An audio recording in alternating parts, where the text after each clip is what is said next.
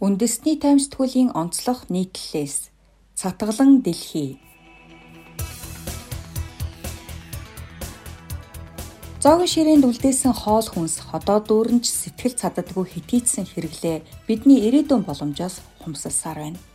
Нэгдсэн үндэсний байгууллагын байгаль орчны хөтөлбөрийн судалгаагаар жилд 1.3 тэрбум тонн буюу дэлхийн нийт үр тарианы тариалангийн гацтай ижил хэмжээний хүнс хиндэж хэрэглэгдэхгүйгээр хаягддаг нь тогтоогдсон. Өөрөөр хэлбэл нийт хүнс тэжээлийн 3.1 нь үйлдвэрлэл борлуулалтын үе шатууд болон хэрэглэгчдийн гар дээрээс шууд хогийн цэгт очдог гэсэн үг юм. Эдгээрээс гэр ахуйн нөхцөл дэх хоол хүнсний хаягдл дийлэх буюу 60%-ийг бүрдүүлж байгааг судлаачид анхааруулж байгаамаа. Хүнсний хаягдлын асуудал өмнө нь зөвхөн чинээлэг улс орнуудад тулгардаг гэж ойлгогддог байсан ч өдгөө хамрах хүрээ нь улам өргөжөж дэлхийн бүх төв бүс нутгийг хамрах боллоо. Гэтэл хоол хүнсний хог хаягдал хүлэмжийн ялгарлын 8-аас 10%-ыг дангаараа бүрдүүлж хүрээлэн байгаа орчинд сөргөөр нөлөөлж байна.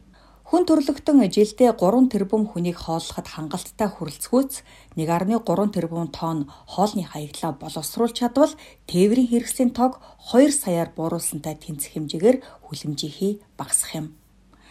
Цаман үндэстэн Хүний өдөр тутмын зардал 6.7 ам доллароос их болох үед хоол хүнсний хаягдлын хэмжээ огцом нэмэгддэг гэж үздэг. Хөгжингүй орны иргэдийн хувьд орлогын түвшин өсөх тусам гарах хаягдал нэмэгдэх гэж ойлгож болох ч хөгжиж буй болон буураа орнууд тээвэрлэлт хадгалалтын горим хангаж чадаагүйгээс хүнсийг муутгаж хаягдал болох тохиолдол түгээмэл. Өдгөө Австралийн иргэд жилд нэг хүн 361 кг хүнсний хаягдал бий болгодгороо дэлхийд хамгийн цамаа үндэстэн тооцогдож байна. Харин бүгд найрамдах хятад ард улс болон Грек улсын нэг хүн жилд 44 кг хүнсний хаягдал гаргадаг нь хамгийн бага үзүүлэлтэд багтжээ. Манай улс жилдээ 2.9 сая тонн хог хаягдал гаргадаг. 2019 онд Улаанбаатар хотод хийсэн бүтцийн судалгаагаар зуны улиралд нийт хог хаягдлын 30%, хүйтний улиралд 20.8%-ыг хүнсний бүтээгдэхүүн эзлэж байна.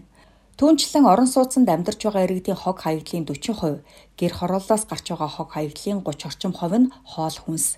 Үүн дээр хүнсний голлох бүтээгдэхүүн болох ногоо, жимс жимсг нь үр тариа нь хэрэглэгчдийн гар дээр иртлэн тээвэрлэлт, хадгалалт, ялгалт, хүргэлтийн явцад 22-оос 35% хаягдл бий болгодог байна. Гэтэл хүнсний хаягдлыг ангилж боловсруулах тогтолцоо манад хараахан бэхжээгүй тул хогийн цэг зориултын бус газарт буулж хөрс гүний үсийг ихээр бохирдуулж байна.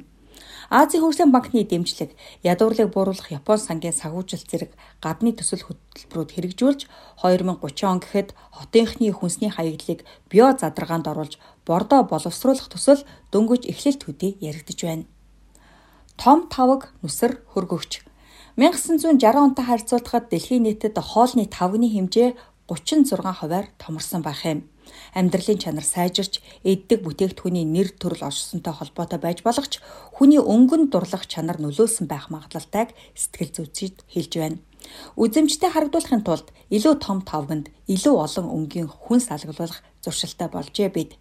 Тэр бүхэл эддэг хүнсээ царай зүсээр нь ангилдаг боллоо.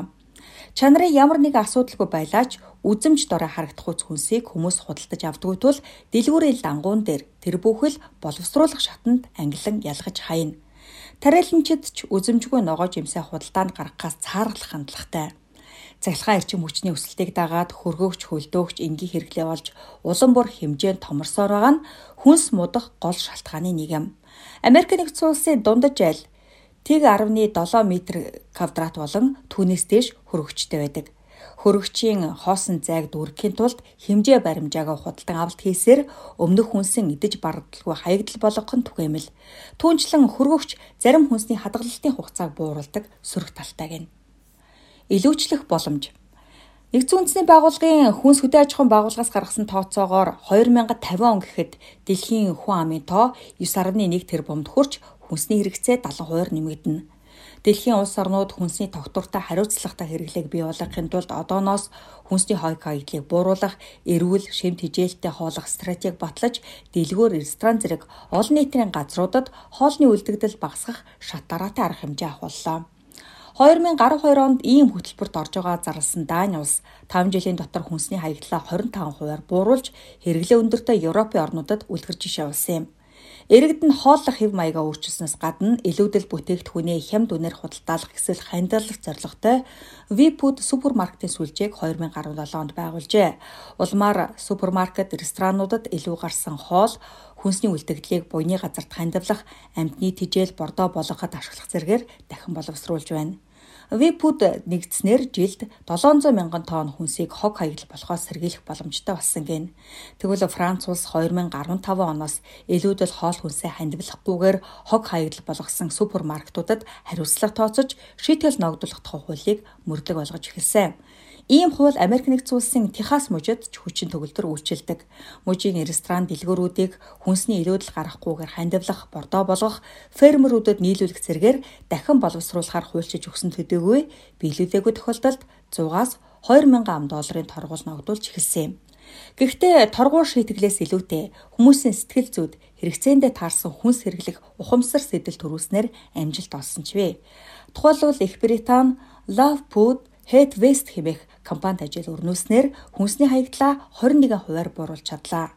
Түүнчлэн цар тахлын хөл хорионы үеэр хүмүүс гэртээ хооллож хүнснээс авах шимт хижээлдэн анхаарч төлөвлөх босон тул хог хаягдлын хэмжээ даруй 22 хувиар буурсан үзүүлэлт ажиглагджээ. Тэгвэл хөгжиж байгаа орнуудын хувьд юун төрөнд дэд бүтцээ сайжруулан хүнс тээвэрлэлтийн зөв горим, хөргөлтийн систем бүхий зориултын агуулгах зойр, хортон шавьчтай тэмцэх замаар хүнсээ хэмнэх боломжтой.